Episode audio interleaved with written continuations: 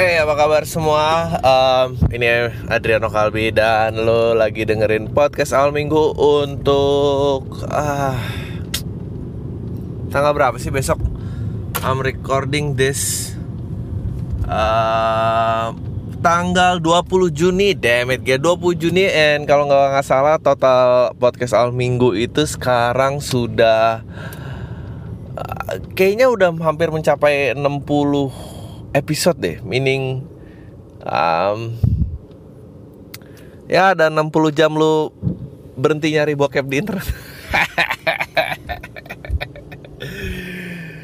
Um, ya yeah, men gue tahu ngerasa uh, if kalau suara gue terdengar beda itu karena gue mau pakai alat rekaman yang berbeda. Gue lagi mencoba untuk you know uh, pakai alat uh, apa sih namanya zoom recorder karena gue lagi mencoba untuk merekam sambil nyupir, you know, do two things at one. Katanya teknologi mengizinkan kita untuk itu ya kita coba aja gitu keabsahannya gimana. Uh, of course jalanan macet dan di depan gue ada stiker Happy Family. Lo I'm gonna burn one bit ya gara-gara gue udah nggak nggak nggak nggak sabar.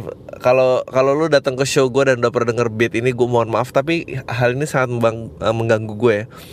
lu pernah sadar gak sih yang uh, pakai stiker happy family itu nggak ada yang di mobil mahal? Semuanya mobil murah. Emang itu ya satu-satunya bentuk perlawanan uh, dari orang yang nggak punya duit ya. Nggak punya duit nggak apa yang penting happy. Gitu kan katanya karena karena nggak pernah gue nggak pernah lihat ada mobil mahal pakai mobil pakai stiker Happy Family. Eh uh, apa ya? Kayak BMW Mercy nggak ada tuh pakai Happy Family. Tuh ada nih ya. Gue akan gue akan report nih A, nih apa nih? Uh, Ayla. Uh, Ay Avanza tentunya. Dan ya gitu. Uh, itu emang bentuk perlawanan buat orang yang punya duit ya. Buat orang-orang yang itu ya gue beli mobil ini yang penting gue keluarga bersama selalu bahagia ya oke okay lah. And gue tuh gue tuh bingung ya sama stiker ini uh, should I go on? Dan gue nggak punya beat lagi. Ya udah gue stop ya di situ. Kalau lu penasaran kelanjutan beatnya ya datang aja ke show gue. Um, anyway uh, ya kayaknya bulan Juli for the first time gak for the first time sih gue melakukan kayaknya akan melakukan show di uh, gue boleh bocor nggak ya? kayak kayaknya sih yang pasti di luar Jawa lah. Sih gitu. Manakah kotanya? Ya nantikan saja. Um, pengumumannya gimana? Gue uh, gue pengen cerita sedikit ya tentang um, kan podcast ini emang uh, tadinya karena ya gue gue udah nggak punya program radio dan gue udah nggak pernah open mic lagi. Terus uh, eh, gue mikir gitu gimana ya caranya gue biar bisa open mic dan punya sia jam siaran sendiri lah. At least at least to get my thoughts out gitu loh uh, dan latihannya akhirnya jadi podcast ini dan gue mau ngomong apa gue udah lupa karena kebanyak kelamaan preambulnya untuk ngisi sejam bangsat. Ah uh, anjing gue pengen ngomong apa ya? Oh dan dan gue uh, agak tidak bukan nggak pernah gak, gue nggak pernah kan membahas current issue dan gue pengen cerita sedikit gitu kenapa gue nggak nggak gitu interest sama current issue gitu kak. Karena gue harus merasa kalau gue membahas current issue pun itu sesuatu yang benar-benar gue interested gitu dan dan uh, eh, gue pun berasa gitu uh, purity gue ngebahasnya dan dan semoga uh, kalian juga appreciate itu gitu. Karena gue paling nggak mau ya gitu um, paling current issue yang pernah gue bahas apa itu juga telat-telat ya kayak Panama Papers atau kemarin Muhammad Ali meninggal atau tapi sisanya enggak gitu. Karena gue tuh nggak pengen get into argument gitu. And then kalau ada uh, current issue dan kayak kalau kurang isunya meledak kan lu berusaha mendapatkan riak-riak dari ledakannya itu kan ya gitu. Uh, kayak kayak kemarin misalnya uh, kayak kemarin misalnya tentang sweeping warteg gitu ya. Gue gue sempat bahas karena ditanya sih gitu. Tapi gue nggak membahas detail gitu. Dan kenapa nggak bahas detail? Karena dari dulu dari tadi mondar mandir nggak cerita cerita gitu. Oke oke gue cerita. Um, karena gue nggak pengen uh, kayak latch on gitu. Padahal gue nggak punya interest apa apa gitu. Udah kayak kemarin bisa sampai ada orang um, ngomongin gitu apakah gerakannya setuju apa nggak setuju. Itu di luar soal itu. Tapi kayak berpendapat bahwa uh, pergerakan itu nggak usah ditunggu uh, ditolongin apa segala macam. Ini kayak anjing lu tuh kenapa sih? Gitu. Ada apa? Gitu. Dan um, gue melihatnya di di era sosmed ini uh, kayaknya bahaya gitu. Orang tuh kayak semua dalam keadaannya tuh delusional semua. Mereka seolah-olah mempunyai um, pengaruh gitu dan memberikan dan dapat menggerakkan masa dan impu, opini gue tuh penting gitu. Gue gue tuh gue tuh bingung banget gitu. Kayak James Blunt tuh dulu pernah bilang dia dikatain dia waktu itu gue lupa dia bilang e, op, opini tuh kayak asshole gitu. Semua orang punya satu. Which is dia tuh bener banget gitu. Apalagi yang yang sesuatu yang udah berla udah udah udah bertujuan membantu kemanusiaan gitu ya eh, gue males. Oh gue ngerti. Kenapa gue nggak nggak nggak mau ngomong? Karena terkadang kita tuh kodap itu seolah-olah memberi pengaruh sama lu lupa masalah sebenarnya tuh apa gitu kayak tiba-tiba udah udah udah udah berpindah menjadi agenda lo gitu. Kayak si ibu sweeping tadi. Kalau lo menciptakan the person yang menciptakan gerakan untuk membantu oh itu oke okay. the person yang mau menyebarkan gerakan itu membantu oke okay. tapi the minute lo mulai kayak tentang oh betapa kerennya gerakan ini dadadadadadadada terus mulai kondesen orang-orang yang nggak mau bantu kita tuh udah udah udah mulai lupa tuh bahwa anjing korbannya itu kan si ibu-ibu itu gitu eh nobody gives a shit about ibu-ibu tersebut gitu sama kayak Muhammad Ali gitu. Muhammad Ali meninggal gitu. And then all these trolls dengan agendanya dan segala macam ah ya Muhammad Ali adalah seorang muslim yang ngepush muslim ini. Eh kayak kita even gak stop dan mikirin bahwa wow keluarganya tuh kehilangan seorang ayah loh. Bahkan mungkin kehilangan seorang kakek-kakek gitu. Uh, wow dunia ini kehilangan seorang legenda hebat gitu Uh, bukan nggak boleh lo ngomongin Muhammad Ali itu Muslim tapi itu udah bergeser gitu. Dan gue yakin lo ngomong kayak gitu karena lo punya agenda tersendiri tentang uh, Muslim tersebut gitu. Atau atau yang yang sebaliknya gitu berusaha meribat agenda tersebut. Nah lo agendanya adalah untuk menjatuhkan agenda yang lain. Jadi lo lo mulai bergeser gitu um, uh, gue berusaha kayak Orlando syuting kemarin gitu uh, ada orang yang marah-marah pokoknya sampai ngomong kayak oh orang nih nggak ngerti nih uh, Islam teroris bla bla bla bla bla bla bla. Terus dia marah-marah tentang Islam teroris. Like eh, kita tuh kita tuh apa segitu kita tuh pengen jadi masyarakat yang itu ya gitu. Ada berita duka terus kita bersedih sedikit pun sedetik pun nggak bisa gitu. Bahwa wow gitu dan, dan langsung quickly judge about ah ini, ini solusinya gimana? Siapa yang harus dihentiin? Siapa yang apa? Kayak wow gitu. Kayak anjing lu jadi manusia cepet banget ya gitu. Gue um, dan gue berusaha mengkip uh, gue berusaha uh, mengkip hal-hal personal itu buat gue aja gitu. Dan biarkanlah itu menjadi sebuah hal yang personal gitu.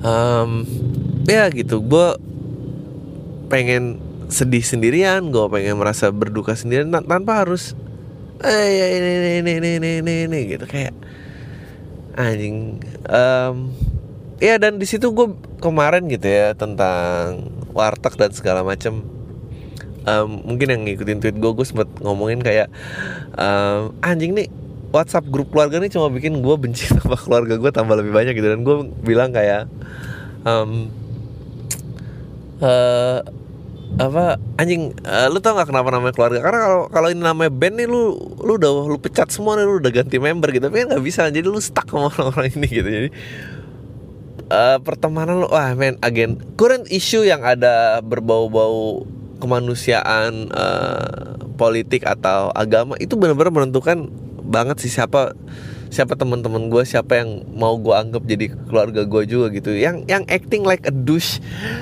yang langsung apa gitu aduh.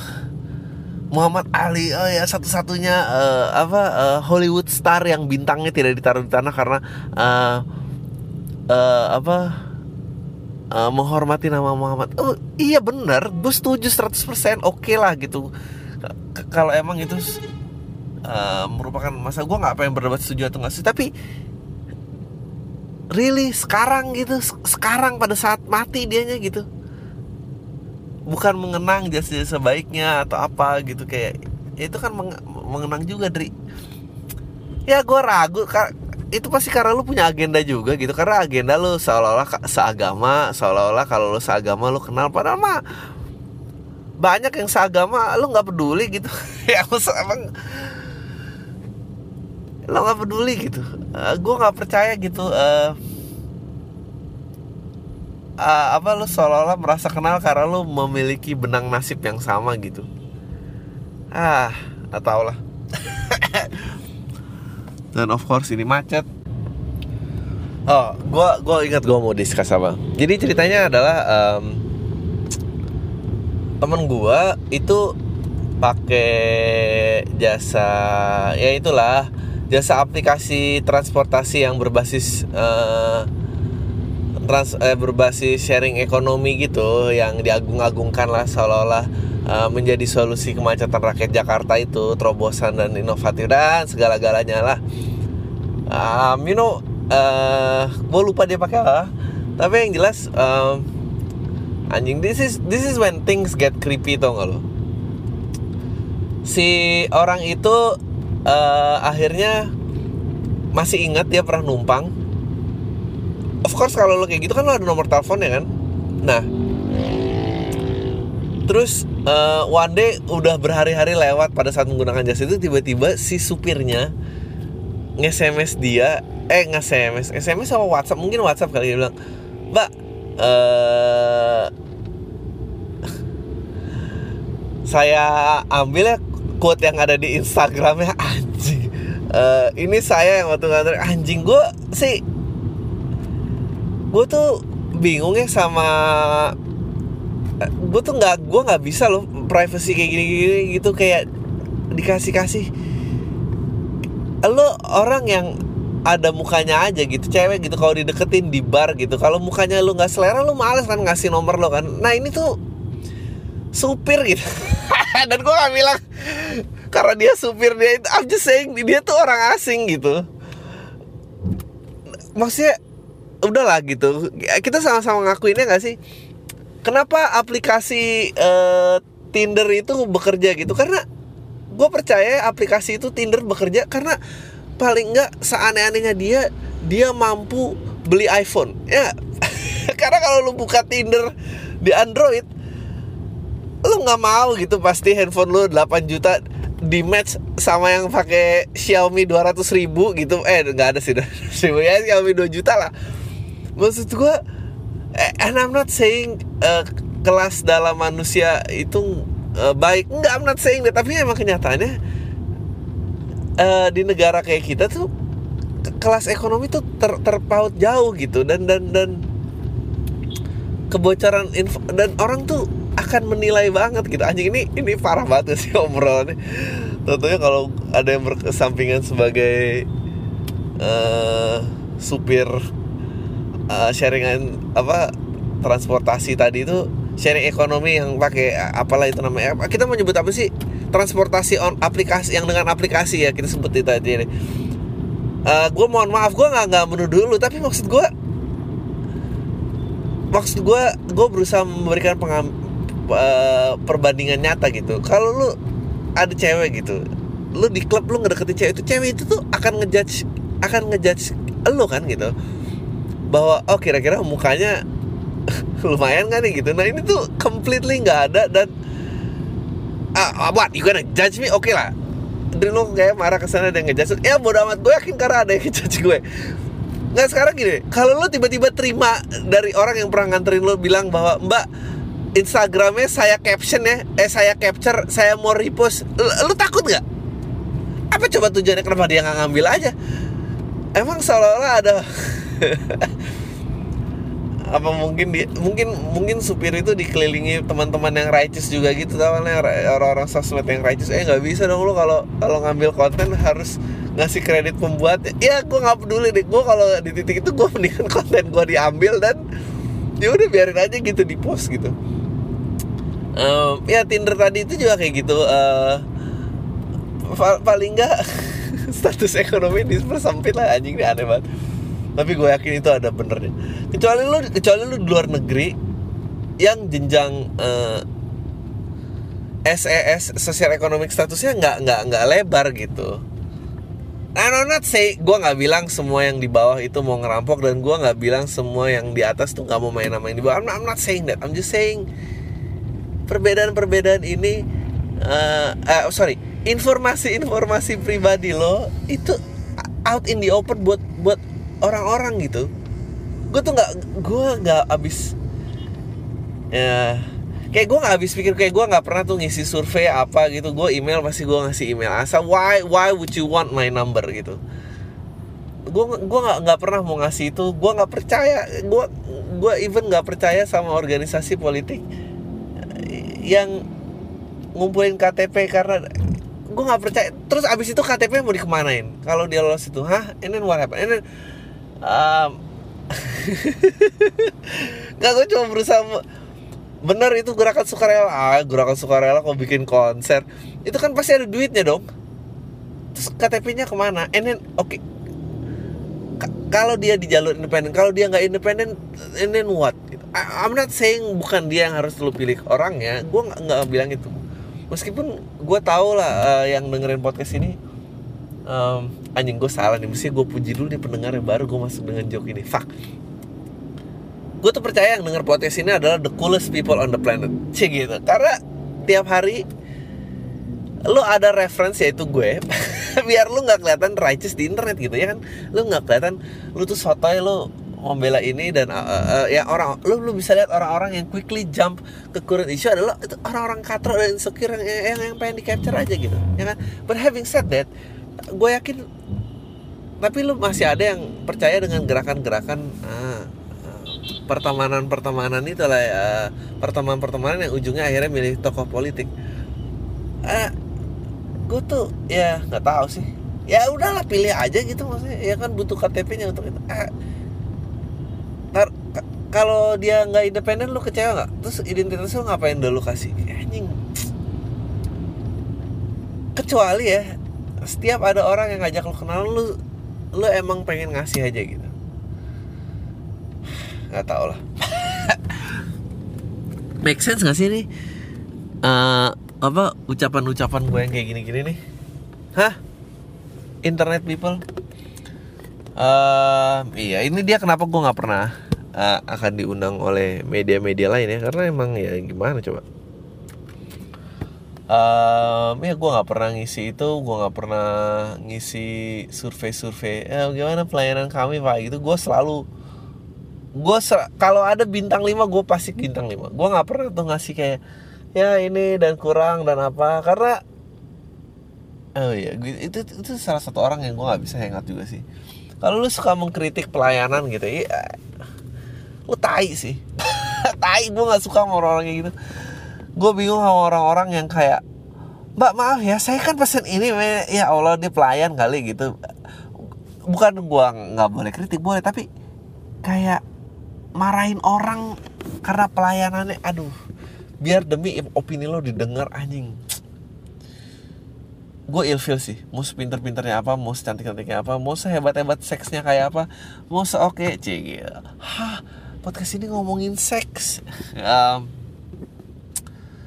ya gue nggak mau sih.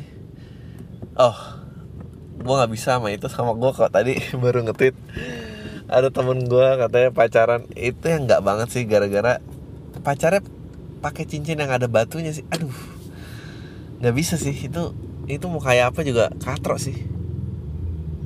Dek orang yang pakai batu cincin tuh apa gitu? Kira-kira punya punya punya ide tentang status sosial yang ada gitu apa gimana? Nggak mungkin ada kan? Pakai batu cincin. Lu tau gak sih orang yang pakai batu cincin itu kan berarti ya itu ada hari-hari di mana dia keluar rumah terus dia basi lagi uh hampir aja cincin batu aku ketinggalan. Terus dia pakai baru dia jalan. Ah, kalau aku ketinggalan bete banget deh aku jalan. Ah, ini pasangannya harus denger cerita-cerita kayak gitu dan gue gak kebayang sih. Apa asiknya? Uh, uh, apa tadi? Ngasih data pribadi lo gitu ya. Iya gue bingung sih siapa gitu? What have they done to earn your trust gitu? Lu kenalan di klub atau kenalan di mall aja tuh lama banget gitu untuk dapet trustnya. Dan orang-orang lain tuh nggak nggak nggak nggak perlu lakuin itu sekarang gitu ih. Gue sih nah gue sih takut banget tuh kalau Instagram gue eh, anjing ngapain lagi nih orang?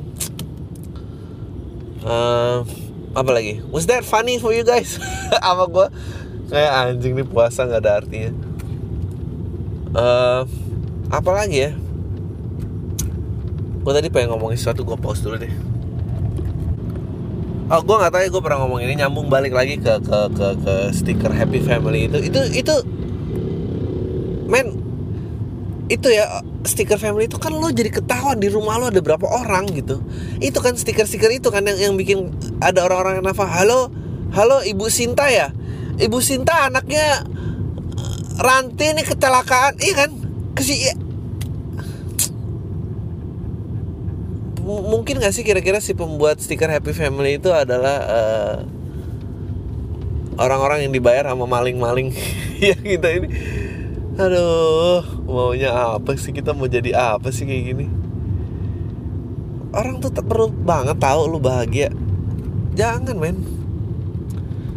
Um, iya gitu. Gue tuh itu jadi ketahuan di rumah lo ada siapa nama namanya siapa. Um, ya gitulah tadi gue mau ngomong apa ya? Ada something about uh, Tinder uh, transportasi itu and then ya gimana ya caranya? Gue gue kalau dia bisa nyembunyi nomor handphone gue gue mau sih pakai aplikasi-aplikasi ini. Atau eh can you fill out the form? Pelayanan kita gimana pak? Ini ini ini, sampah. Ya gitulah.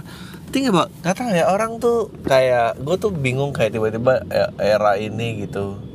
Hanya karena teknologi teknologi gitu. A faceless thing yang gak nggak nggak ada mukanya nggak pernah tahu lu bisa percaya apa enggak. Tapi lu give up your privacy segitu mudahnya gitu. Uh, ya you know what's funny sekarang kan sebelnya kayak everything itu documented kan lah dari mulai naik ojek ya gara-gara vlog ini ya naik ojek. Kan lu ngapain sih nonton vlog orang naik ojek aja ditonton kayak gue tuh baru tersadar gitu. Um, ya kan gue juga bikin acara sama aja dong gitu. Anjing gue baru sadar betapa katro bukan katro sih edus ya kadus apa ya? Edus uh, kayak betapa cupunya atau lemnya gitu. Oh norak norak. Betapa noraknya gitu ya sekarang. Tiap di restoran lu selalu ngelihat ada orang dengan tri tripod dan kamera kecil interviewing people like deh mereka bikin kayak mereka punya acara aja gitu. Tahi banget gue kayak anjing nih ngapain nih granted gue juga bikin ada yang kayak gitu tapi kayak aduh I wish kalau gue perlu nggak ngelakuin sih gue nggak ngakuin. Sih gitu well at least ya nggak tau lah. Mungkin semua orang-orang bete kayak ah, ini ini ini ngomong di mobil bla bla bla. Um, berarti emang emang emang sebetulnya uh, ganteng jenik itu ada ya? Karena uh, apa uh, apa tuh kamera kecil yang lu tempel di, di kaca mobil tuh bangsat namanya.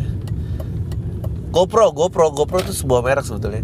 Ya jenis kamera itulah berarti emang ganteng jenik tuh ada ya karena um, mobil tuh kayaknya scene favorit gitu. Karena emang orang tuh uh, nggak tahu ya ada ada sesuatu ya di mana kalau lu duduk dan tangan lu ke atas ngatur jalanan itu terlihat lu berapa derajat lebih ganteng gitu. Mungkin juga karena seolah-olah memberikan pesan lu mampu memberikan mobil meskipun mobil lu juga ya mobil-mobil yang uh, ditempelin happy family sticker Adri. Gila nih si Adri callbacknya banyak banget ya ya kalau uh, komedian yang dengerinnya akan analisa kayak gitu ya. Uh, ya, ya, ya tapi kelihatan jadi kayak lebih keren gitu kayak ada apa ya gitu. Gue nggak gue pernah gue baru membahas tadi kan sama teman sama uh, ya gue juga kemarin nge-tweetin gitu. Gue gue uh, nggak ada men orang-orang yang uh, padahal ya tanpa sosmed aja dan dan kehidupan digital ini itu udah sulit menilai orang apa adanya gitu uh, belum lagi kalau dia berprestasi belum lagi dia berpakaian keren. Ada beberapa layer yang kita tuh akhirnya nggak bisa melihat keaslian orang ini seperti apa.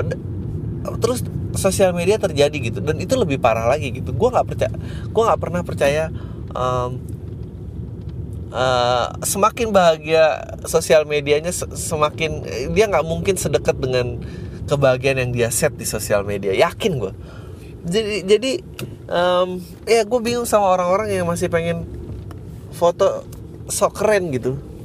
Atau ya kira-kira katakanlah lu cantik dalam foto itu and then what gitu. Gue ada foto yang gue keren tapi kayaknya gue taruh di rumah aja. Gue belum gue belum pernah tuh gitu yang yang kemarin di mobil pakai kacamata itu megang setir di foto dari angle bawah gitu atau yang ngerokok kepulannya dikeluarin di muka. Why? Itu menggambarkan apa sih bahwa Gak tahu ya. Buat gue emang intinya gue memuji diri gue aja sih. Buat gue konyol dan lucu sih itu tuh yang paling keren sih. Kayak di di Now You See Me kan dijelasin gitu uh, the fool itu kan ternyata kartu tertinggi kan gitu. Dia karena act like a fool tapi dia nggak gitu ya gitu. Itu filosofinya kawan-kawan iya biar apa sih kayak kayak gitu?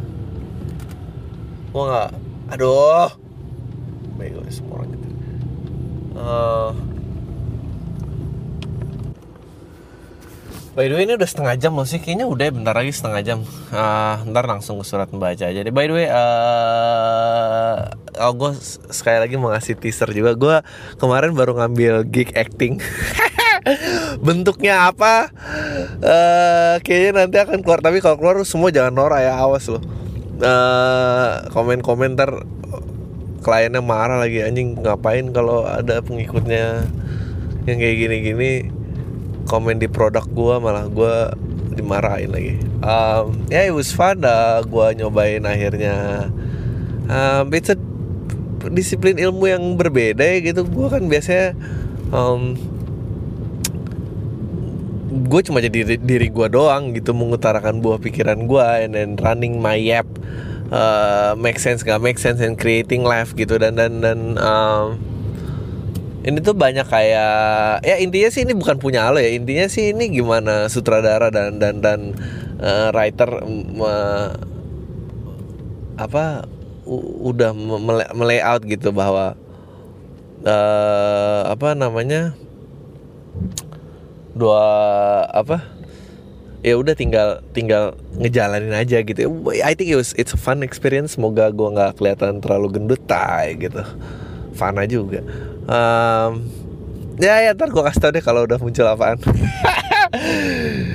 Telek lah. Um, ya udah lah ya. Kayaknya uh, ini udah no belum nih ini belum 30 menit. Tadi gue pengen ngomongin apa ya? Tentang privacy giving up privacy bla bla bla. Kok lo gampang banget? Padahal tuh nggak bisa lo percaya. Terus uh, ya gue uh, dan oh foto profile foto profile batu cincin. Apa tahu? Ah udahlah gue gue masuk ke surat pembacanya. Gue uh, akan post dengan uh, alat yang ini dan ntar gue pindah ke laptop gue kalau gue ada di rumah oke okay, sekarang uh, lanjut lagi. It's time for the question. Uh, bagi yang mau ngirim bisa kirim ke podcast awal minggu at um, apa namanya? Podcast awal minggu at gmail.com atau ke sfm gue uh, at Adriano Kalbi uh, please uh, subscribe YouTube atau SoundCloudnya. Kalau bisa SoundCloud aja leave comment bla bla bla. Kita lihatlah kalau bisa ngelakuin ini memang ada perubahan yang signifikan apa enggak sih? Kalau ada gue frustasi juga nih ternyata ada. Oke. Okay. bang gue pengen tahu uh, di ada SFM gue dulu gantian lah sekali-sekali. Bang gue mau tahu pandangan lo terhadap George Carlin dan Amosi yang kontroversial banget bagi Singapura. Soalnya jawab di PAM ya bang. Tapi kalau mau balas langsung juga nggak apa-apa. Sukses terus bang. By the way, gue pendengar setia lo bang dari awal sampai akhir gue denger semua. Well, thank you man.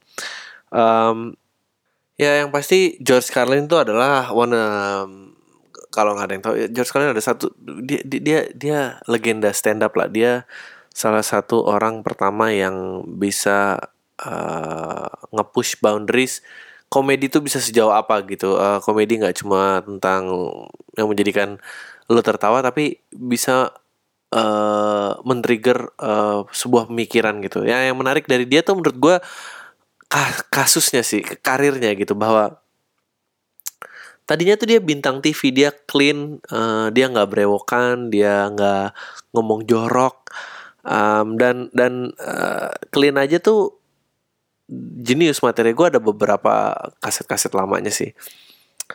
Uh, terus yang lucunya adalah dia kalau kalau dia sih ngakunya dia eksperimen with drugs dan apa uh, terutama LSD hmm, abis itu kayak kepalanya langsung pecah banget gitu. Dan abis itu karena dia era hippie juga kan jadi brewokan gondrong sudah dia nggak mau tampil lagi di TV dan he just do what he does. Um, uh, ya udah gitu uh, terus yang hebatnya lagi sampai akhir tahunnya tuh kayak dia selalu konsisten entah setahun atau paling lama dua tahun ngeluarin jam uh, satu jam komedi yang baru. Yang keren dari ya, banyak lah gue gue bisa ngomong on and on on and on gitu. Terus uh, apa ya dia dia nggak pernah ya dia fearless banget sih menurut gue uh, yang keren lagi tuh juga karena dia tuh eh dia ngebukain banyak orang sih. To walk away from sukses itu loh gue selalu kagum sama orang-orang kayak gitu kayak ah fakit nih semua gue bisa nih serba gini. Dan dia salah satu yang yang juga nyaman sebagai stand up comedian aja gitu. Stand up comedian tuh ngedefine dia gitu. Dia dia nggak jadi ada jadi aktor jadi apa. Tapi dia stand up comedian kan nggak kayak misalnya uh, Ray Romano gitu. Ray Romano kan bintang TV series dan stand up comedian gitu. Atau Bob Saget atau apa. Dia nggak dia bener-bener pure stand up comedian. Ah a great genius lah. Uh, kalau satu lagi si Amosi ini gue gue nggak nggak nggak tahu sih um, sekontroversial apa tapi kalau gue tadi baca research sedikit si Amos itu blogger dan gue pasti rasa juga dia udah jadi vlogger sekarang. Uh, uh, dia um, salah satu yang bikin dia kontroversial ada dia mengkritik Lee Kuan Yew gitu Lee Kuan Yew di Singapura. Gue harus memberikan pujian sih terhadap dia karena mengkritik Singapura. Singapura tuh berat banget sih uh,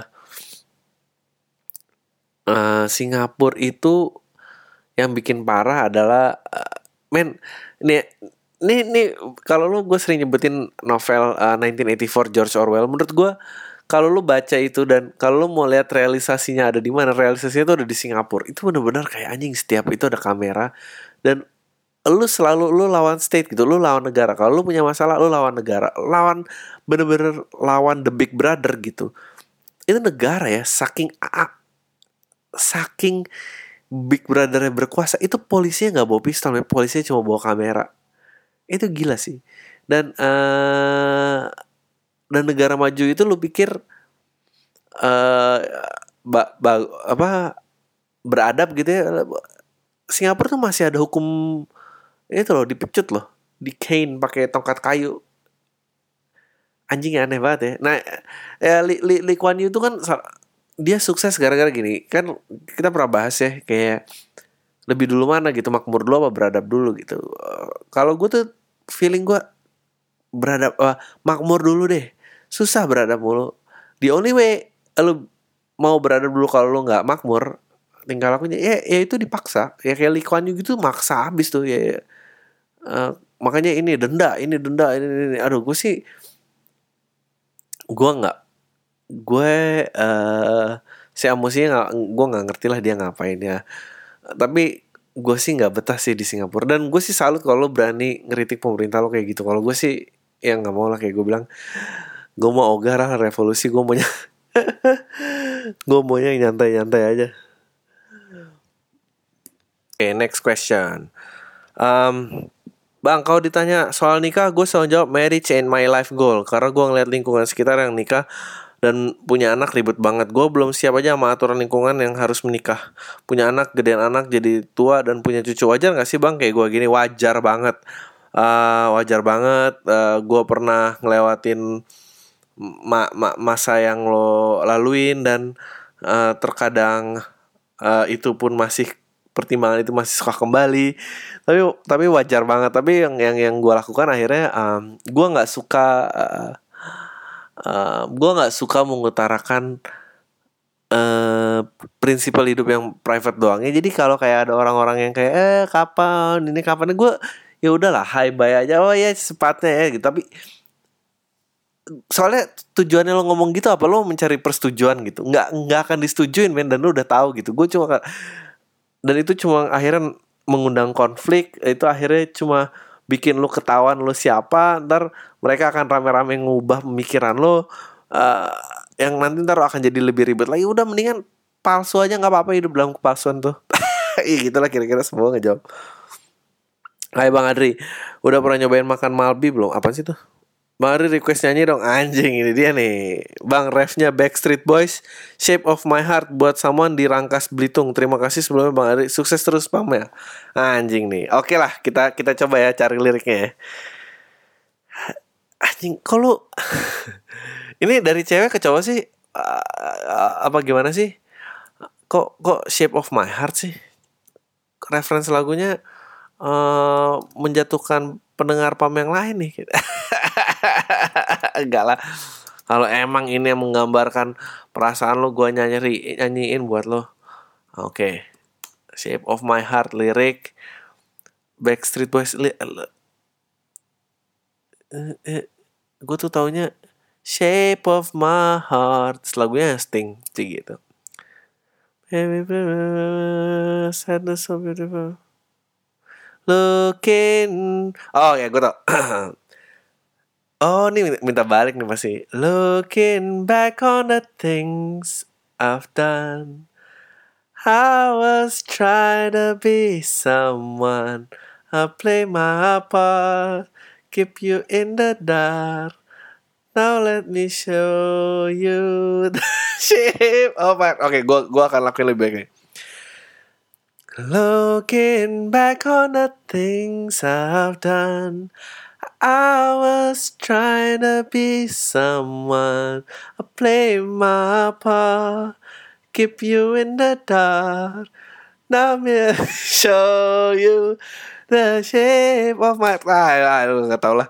Ya semoga uh, ya balik ya. Jadi gitu. Kalau balik uh, ceritain lagi ya ke gue ini tuh ceritanya uh, lu nyesel terus lu waktu dulu gue berusaha jadi orang lain terus kayak gue acting ini acting itu terus bikin lo nggak tahu ya kalau sekarang ini gue tunjukin aslinya gimana cik Dri pendengar lo ngerti kali bahasa Inggris lo ngapain sih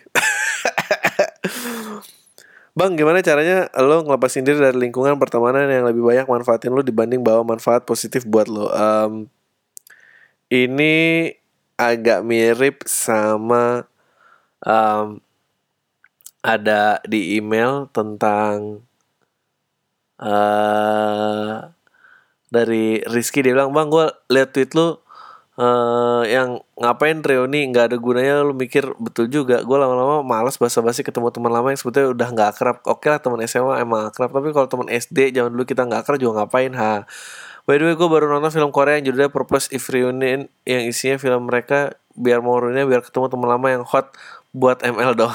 Padahal mereka sadar udah malas ketemu tiap tahun orang-orang itu aja. Dan ke Bang Tai lo dikirim dari Yahoo Mail Android. Um, iya, gue I, I, kaitannya sama reuni atau teman-teman gue gue sebenarnya rekor tahun ini sejauh ini gue uh, belum diajak reuni sama siapa pun. Buka puasa dan apa kan? Mungkin gue juga udah males kali ya. Uh, gue aja stop showing up gitu. Uh, dulu seneng reuni ya bener ada yang hot ada yang apa ngedeketin apa. Uh, syukur-syukur gitu ya tay syukur-syukur. Uh, iya bu aku males ya. Uh, ya udah gitu nggak usah keep kontak aja gitu. Uh, move away uh, terus kalau jawab ya ya perlunya terus gue pernah sih dijawab tanya ya lu kenapa sih lo ada masalah sama gue oh enggak gue nggak ada masalah sama lo gue emang nggak udah nggak mau main sama lo aja. Gue bilang aja gitu mau apa gue ya gitulah kira-kira. Um, terus uh, oke okay, lanjut. Bang menurut lo bang gimana menurut lo kalau misalnya biaya sekolah penerbangan negeri nggak beda jauh sama swasta? Padahal kalau di swasta lebih cepat lulus dan nggak ada semi militer gitu. Berarti secara nggak langsung di masa depan pilot isinya orang-orang kaya bukan yang pintar. Ah tai pengen gue bikin vlog aja rasanya. Nggak ngerti gue maksudnya gimana. Lah tapi kan harus lulus kan? Bukan berarti swasta lebih gampang lulus kan? Padahal kalau di swasta gitu. Dan nggak nggak ada semi militer gitu. Emang kalau militer penting ya? Gue agak nggak suka juga sih sama militerisasi. Um, tapi emang gitu men. Semua tuh swasta ya gitu. Um, sebet emang ada tapi gini kalau lu pendidikan yang negeri pemerintah disamakan dengan swasta itu kasihan orang-orang yang nggak mampu juga sih. Ah gue nggak ngerti lah. Ya kira-kira gitu lah um, apa? Oh ini ini ini seru nih. Gue kayak bang lu tipe orang yang percaya bahwa diri lu bisa kena hipnotis nggak? I mean, gue actually penasaran banget loh. Apakah bisa? Gue belum pernah ngalamin soalnya gue belum pernah kecopetan, gue belum pernah apa. Gue penasaran ngeliat uh, kesurupan sama hipnotis. Meskipun gue takut sih. Ya kemarin Conjuring 2 kayaknya banyak mana-mana orang-orang kesurupan gitu. Tapi ya, ya kayak gitulah gue gue nggak gue nggak tahu harus gimana gitu um, I guess gue penasaran sih hipnotis tuh apa sih sebetulnya gitu? Apa ini ngejatin? Gue pengen lihat di depan gue gitu. Atau gue dicoba disuruh pingsan gitu bisa nggak? Semoga bisa lah tau lah. Eh semoga enggak kok bisa lah. Anjing ini banyak banget loh. Bang gue selama ini ngira passion gue di luar profesi gue. Once I tried it gue ngerasa ini bukan passion gue yang sebenarnya. Gue tiba-tiba nggak happy lagi ngelakuin apakah itu normal ngerasa kayak gitu? Apakah passion proses trial dan error juga? Betul. Betul banget men. Um, what you yang lu butuhin sebetulnya adalah kesem, keba, sebanyak banyaknya kesempatan untuk gagal. A, ada orang-orang yang laki ya makanya hidup tuh jangan ngarepin beruntung deh beneran deh. Soalnya kalau lu ngarepin beruntung ntar lu cuma mikirin aduh gue kapan ya beruntung kok gue nggak ini aku gue nggak kayak gitu ya? Lu cuma kayak gitu doang. Emang harus banyak trial dan error. Ya, kadang gini soalnya reference reference yang lu apa yang lu lu pengen sesuatu nih ya. Nah, lu pengen sesuatu nih kan ada dari dua arah entah karena lu banyak referensi lu jadi mau sesuatu atau um, atau soal lu punya keinginan tiba-tiba ya pengen ini aja gitu. Nah, lu tuh nggak pernah tahu betapa limitingnya uh, keinginan lo dan pengetahuan lo itu sendiri gitu. Jadi emang kadang tuh lu terjebak di kepala lo doang gitu sama kayak lu tau kan ngedeketin cewek oh kesannya keren apa ini pasti pacarin anjing kok begini doang sih? Ternyata orangnya blow on karena lo emang cuma jatuh cinta sama di kepala lo doang gitu. Dan dan dan lu banyak banget yang ternyata lu pikir ini A itu B ternyata B itu tuh banyak banget. Dan ya dan nggak apa-apa gitu. Dan nggak apa-apa banget sih gitu. paling enaknya Madrid itu apa apa nggak apa-apa Uh, series Nako udah nonton bang. Oh, Baru setengah jalan episode 1 Dan lagi nih. Gue keren kayak waktu lu nyeritain Cara nyimpen di luar negeri. Uh, Gue belum nonton Udah ada tapi belum nonton. Oke. Okay. Lanjut lagi. Bang gue liat tweet lu soal Kalau keluarga dijadiin teman sekelas dan bak bakal lo jadiin teman apa enggak? Jujur gue kayaknya enggak sih. Jahat enggak sih bang? Santai gue nggak cocok sama nilai-nilai mereka. Dan daripada konflik gue lebih milih diam lo pernah gitu nggak apa yang lo lakuin? Um, ya jadi gue buat yang nggak tahu gue sempet nge-tweet berapa kali kayak anjing WhatsApp grup keluarga tuh cuma bikin gue bikin bikin gue tambah kesal sama keluarga gue doang aja gitu. Uh, dan menurut gue semua orang tuh nggak nggak suka sama keluarganya. Uh, dan gue gue bilang ya lu tau nggak kenapa namanya keluarga? Karena kalau ini band sih udah lu pecat nih semua membernya. Lu udah ganti member. Apa um, dan gue bilang kalau lu nggak kalau lu ngerasa lu cocok sama keluarga lu coba lu bayangin semua keluarga lu tuh teman sekelas lu. Lu mau nggak satu geng sama dia? Kalau nggak emang lu tuh nggak suka suka amat gitu. Um, kayak gue sering ngomongin kayak gini deh kayak men gue sangat nggak cocok. Tapi yang gue lakukan adalah gue berhenti mencari approval sih. Gue mencari gue berhenti mencari approval gue berhenti mencari dukungan um, keluarga gue nggak ada yang tahu lagi isi kepala gue kayak gini. Dan dan, dan gue juga malas gitu.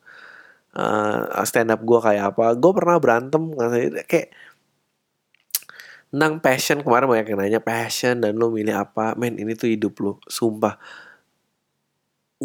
nggak usah nungguin siapa pun ngasih lampu hijau. Udah lu jalan aja. Hanya abisnya memberontak semua orang. Oke okay move ke email gue anjing nih. Banyak banget.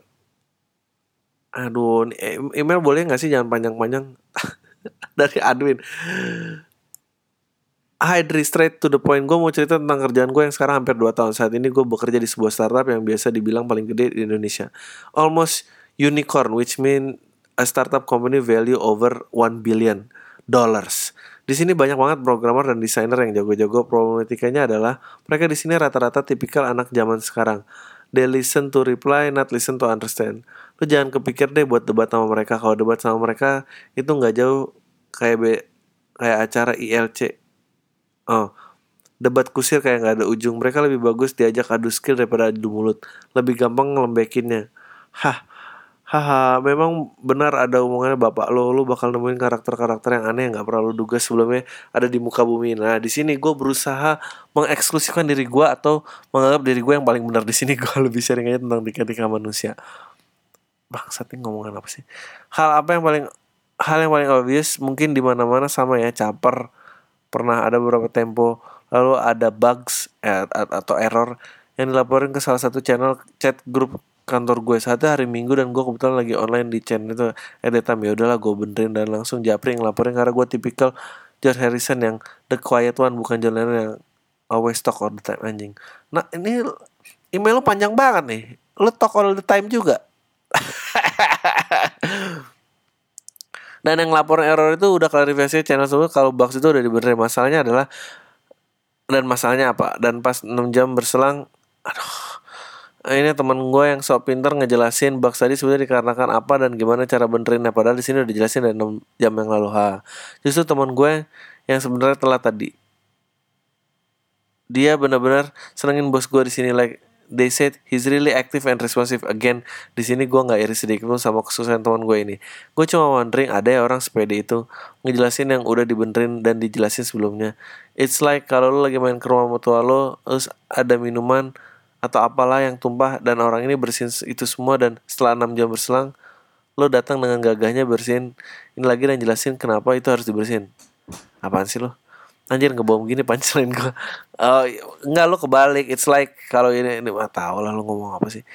Udah itu aja sih gue pengen nanya nggak pengen nanya, nanya juga karena masalah lo mungkin udah banyak jadi nggak perlu gue tanya-tanya tahin udah panjang nggak ada pertanyaan lagi. Sukses buat podcast lo gue follow twitter lo waktu followers lo masih meranjak satu kayak happy married life juga by the way. And NB please do not do any collaboration with GGS ganteng-ganteng squad. Boom.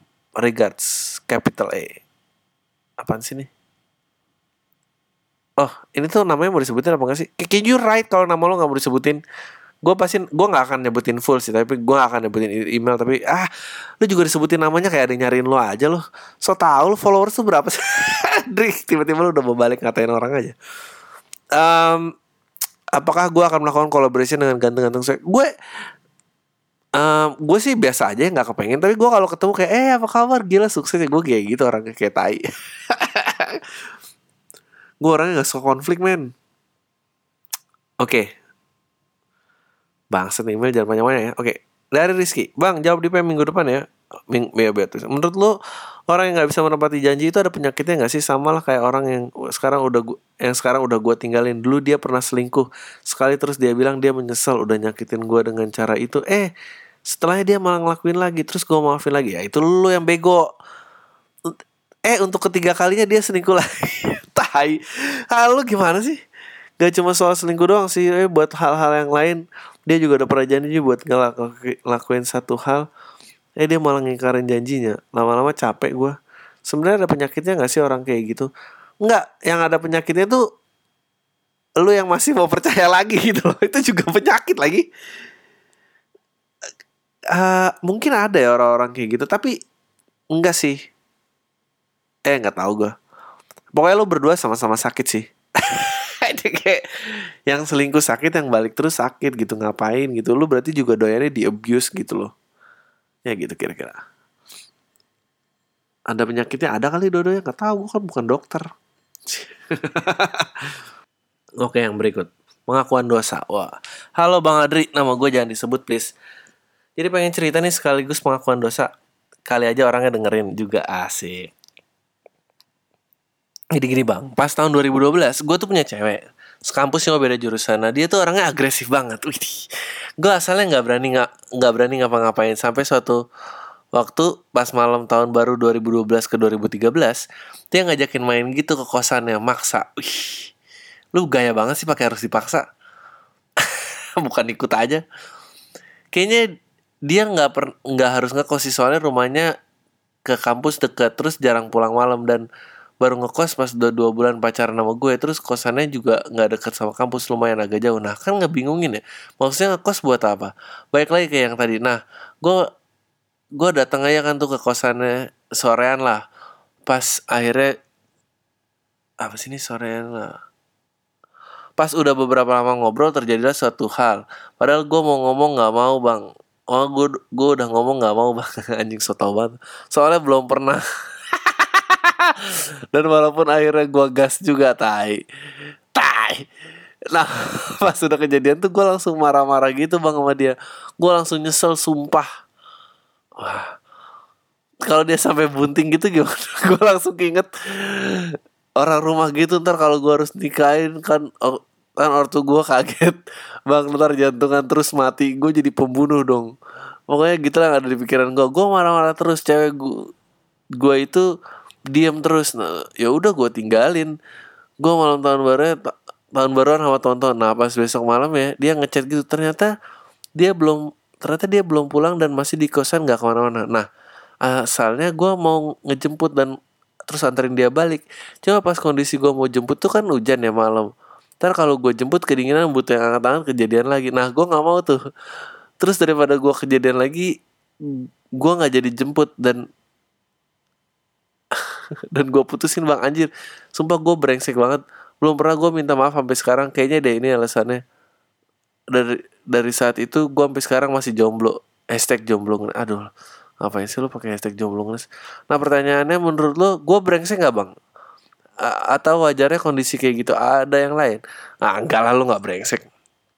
Nah, ya tapi lo brengseknya udah ngegas masih marah-marah tai. Lo marah-marah ya jangan ngegas dong. Lo gimana sih? Gue gua gua gua jadi suara hati mantan lo deh. Ya kamu juga mau gitu. Ngapain sih? Enggak lo nggak brengsek. Tapi uh, um, ya kayak gitu. Um, atau cukup segitu ya. Maaf emailnya panjang. Makasih bang. Semoga doi maafkan gue. Ah. Iya ya tapi sebelum dia maafkan lo yang penting tuh lo maafkan diri lo sendiri.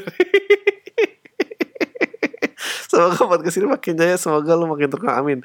Send from Evercost Hashtag karya anak bangsa. Uh, Oke okay, Minta pendapat di PAM Oke bang kenalin gue Nia. Uh, Gue sekarang kerja di pulau dekat Singapura. Bam! Tuh pendengar dari luar negeri lagi. Gue udah dengerin lo dari Batam, Batam ya? Oke. Okay. Gue udah dengerin lo dari tahun lalu dan gue suka banget sama podcast lo Abis dengerin Pam biasanya gue jadi ngebahas lagi sama teman kantor gue yang juga dengerin Pam. Bam! Terus jadi ngakak-ngakak sendiri. Asik. Please don't Please don't stop. Jangan capek dong bang. Kalau lo bilang udah sedikit ada yang muji sekarang gue puji lu. Lu keren banget. I wish I have a rich thought like yours.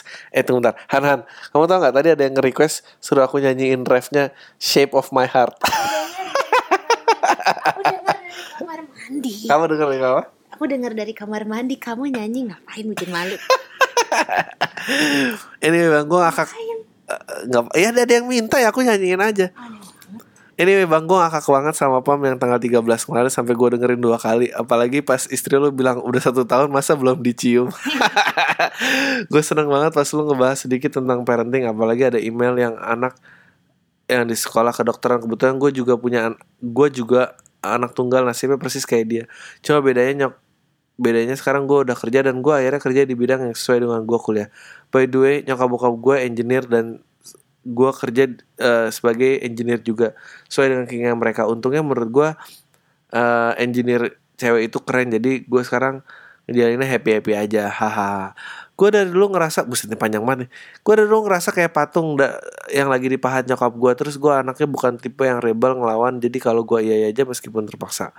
Jadi gue waktu kecil dilesin macam-macam piano balet aritmatika kumon sampai taekwondo Dikala teman-teman gue main sepeda, gue harus latihan piano. Soalnya kalau enggak gue nggak gue bisa dimarahin sama guru piano dan nyokap gue. Ya gitu gitulah kalau gue tanya kenapa gue harus les macam-macam? Nyokap gue selalu bilang biar otak kanan dan otak kiri kamu seimbang.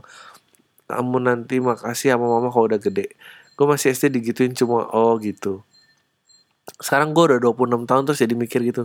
Semua yang nyokap gue lakuin tuh ngaruh banget ke hidup gue kayak gue selalu di sekolah unggulan gue dapat kerja dengan mudah dikala orang-orang nganggur. Sekarang gue dapet beasiswa buat S2 tapi di sisi lain gue ngerasa gue nggak punya masa kecil. Anjing sedih banget. Yang se- selayaknya anak kecil dan nggak ada beban. Eh, bi- bisa main semaunya explore hal-hal baru. Gue terbentuk jadi anak yang nggak tahu apa yang sebenarnya gue mau atau yang gue suka atau yang gue mau karena mungkin udah terlalu sibuk sama rutinitas dari kecil dan gak ada ruang untuk berimajinasi sendiri. Karena pulang les udah capek terus tidur dan gue termasuk orang yang telat bisa buat keputusan sendiri karena terbiasa tanya mama dulu which is not good. Oke gue jadi mikir lagi nanti kalau gue punya anak gue harus didik dengan gimana ya? Gue nggak mau kehilangan dia masa kecilnya dan gue pengen dia happy dan nikmati masa kecilnya. Tapi di sisi lain gue pengen tenang dengan menjamin masa depan uh, anak gue dari dia kecil. Bisa gak sih dua hal itu gue dapetin bersamaan? Gue minta pendapat lo dong bang. Maaf kalau kepanjangan lo singkat-singkat aja bacanya. Oh ya bacain di PAM ya. By the way September gue bakal pindah ke UK Jadi lo akan mempunyai pendengar dari UK Dan akan sebarkan PAM di sana. Salam tai bang. Nia tuh bam! Hah. Em, Bisa gak ya lo dapetin? Lo um, gue gak tahu sih. Gue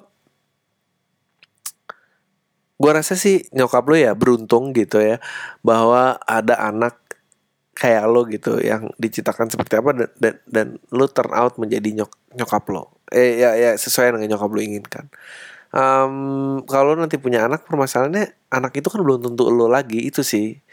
Eh, kebetulan nyokap lo tuh tepat gitu. Dan ntar kalau anak lo bukan lo gimana? Kalau dia memberontak gimana gitu? Kalau dia ini gimana? Em, ah gue juga nggak tahu ya. Gue sih kayaknya punya anak kalau gue percayanya itu seperti passing the torch gitu loh bahwa tapi dia mau bawa ke mana ya itu udah terserah dia gitu ya, ya gue bisa mendidik dia sampai dia dewasa tapi habis itu udah gitu. Gue nggak percaya. Gue juga kayak kecilnya kayak lo sebetulnya dan dan dan gue sebel banget. Dan dan gue akhirnya juga nggak jadi turn out seperti yang mereka inginin gitu. Em, ketenangan lo itu mesti lo dapetin bahwa karena emang lo pengen pass pass the torch sih bukan. Mengkhawatirkan yang di luar badan lo tuh udah bukan tugas lo meskipun itu anak lo sendiri. Ah Thailand lo ngomong apa sih? Ya kira-kira gitu lah. Oke. Eh, halo Bang Adri sebagai salah satu pendengar lokal dengan VPN luar negeri tai gue pengen aja dong. Kan lu nggak mau tuh fans atau pendengar lo obrolannya masih soal jomblo ngenes tapi lu juga nggak mau yang takdirnya berjuang. Nah lu tuh ngarepinnya para pendengar pam ini adalah orang-orang yang kayak gimana sih? Sama kemarin lu pernah bilang kalau lu nggak pengen punya anak yang cakep or at least lu nggak akan bilang ke anak lu kalau dia cakep. Apakah lu akan memperlakukan dia seperti anaknya Britney Rindra di Talk of Life soal anak perempuan? Segitu aja bang salam tai ditunggu kaos warna hitam ya Um, ya jadi Rindra punya beat tentang anak perempuan kalau jelek jadi dia tenang gitu. Enggak gue gak kayak gitu. Lu pengen tahu apa yang gue harapin dari orang-orang pop? Gue anjing tapi ini jreng-jeng banget sih. Gue nggak pernah mau mengungkapkan ini sebetulnya. Tapi karena ditanya ya udahlah aku kasih tahu perasaan aku. Gue pengennya gue pengennya berdialog gue pengennya ngobrol dengan orang-orang yang punya pikir pemikirannya sendiri. Independent thoughts. Gue nggak perlu gue nggak perlu jadi Tuhan lo gue nggak perlu nunjukin apa yang benar tapi lo tahu apa yang benar. Nah, sisanya sisanya ya kita ngumpul I tell jokes you laugh. Udah that's it. Itu doang. Um, eh, jadi kayak masalah jomblo ngenes itu kan kayak anjing. Lo bukan cuma jadi orang yang nggak bisa membahagiakan diri lo sendiri tapi lo juga orang yang perasaannya dieksploitasi sama orang lain gitu. Ya yang yang bikin karya tentang itu yang dia jadi jauh lebih kaya daripada lo dan orang yang pemikirannya nggak independen tuh banyak banget dan lo dieksploit setiap hari tanpa sadar gitu. Tapi gue juga nggak pengen yang takdirnya berjuang apa karena gue seolah-olah memposisikan diri gue lebih baik daripada lo nggak mau gue gitu. Gue tuh pengennya semua tuh bebas gitu jadi yang lo sebutin dua tuh satu adalah orang yang suka memperbudak orang lain satu eh pemilik budak yang baik. Tapi tetap masih sama-sama milikin budak. Gue tuh nggak suka yang kayak gitu. Udahlah itu semua tuh pemikiran lo and then ya udah gitu. Nggak nggak apa-apa nggak perlu ada idola nggak perlu ada apa. Gue cuma pengen lo gue komedian gue pengen lo datang dan eh, ini sisanya ya udah. Eh, yang gue harapin ke fans gue tuh sama yang lah fans gue sama kayak yang gue harapin ke anak gue eh yang kayak lo bilang gitu. Gue nggak pengen ya cakep cantik itu ntar dia pasti cuma obses dengan luarannya doang gitu. Gue nggak mau itu. Intinya independensi lah. Selamat buka puasa bang. Gue beruntung juga sih Kak.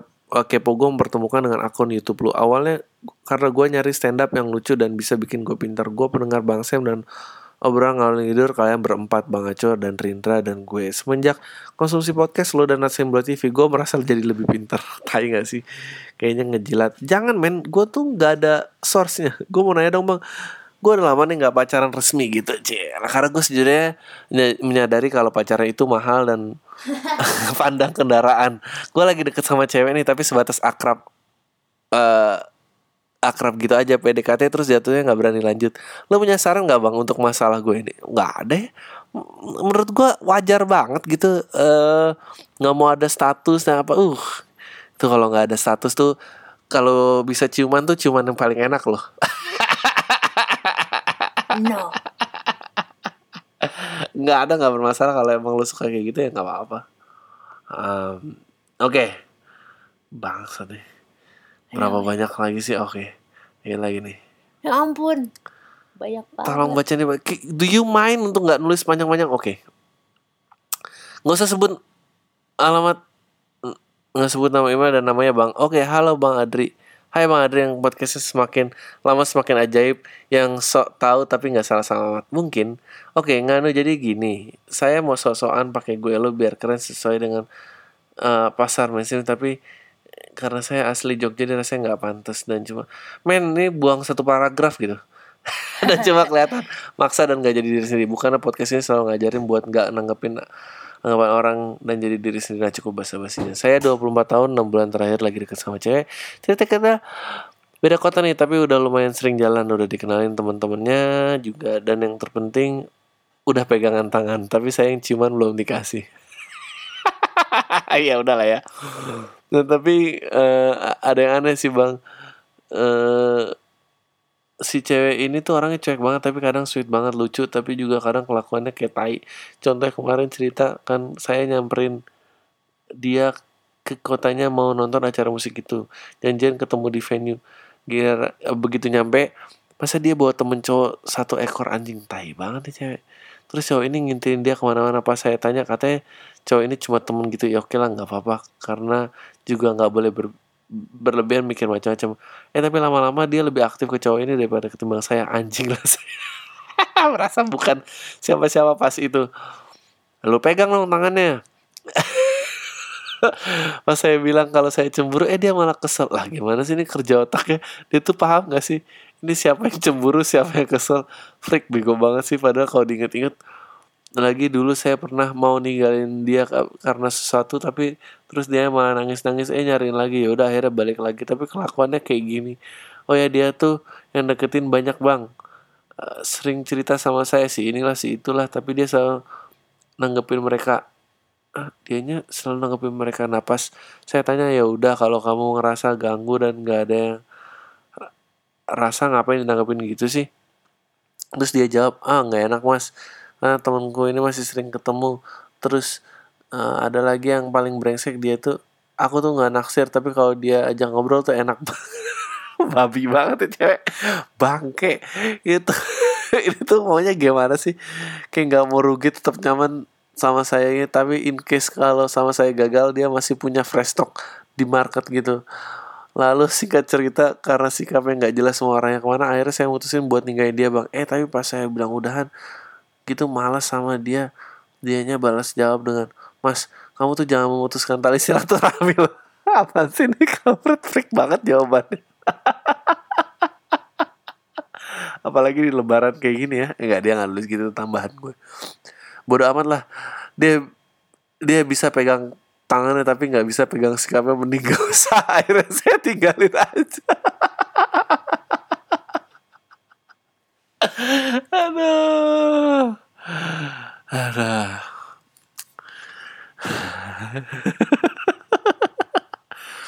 Ini udah dua minggu gitu kita nggak kontak-kontak sama sekali. Dia sering sih caper di sosmed Atau saya aja yang merasa lagi dicaperin. Ah, gitulah. Pokoknya saya juga sekali-sekali caper di sosmed sih. Haha dan saya yakin Bang Adri paham lah. Banget lah ya. Terus akhir-akhir ini saya mulai kangen banget bang sama dia tuh. Pengen ngechat lagi tapi gengsi. Nggak usah. Tapi ngelanjutin hubungan juga dianya kayak babi gitu. Worth to try nggak sih bang? Kalau misalnya saya nyoba sekali lagi balik ke dia atau ya udah cari yang baru aja. Masih banyak ikan di lautan ini. Oh ya saya ceritain di atas tadi emang untuk kejadian-kejadian kampret yang sama dia doang bang. Walaupun ada sih momen-momen yang sweet yang sama kita deket kemarin. Oke sekian keluh kesah sejauh hidup saya. Saya curahkan aduh saya curahkan di podcast abang. Sorry panjang. Nah mungkin katro weke weke weke. Nah itu katro tuh. Weke weke weke. Makasih bang. Terus terus semoga makin terang send from my iPhone. Aduh kasihan. Udah punya iPhone cuma dikasih pegangan tangan.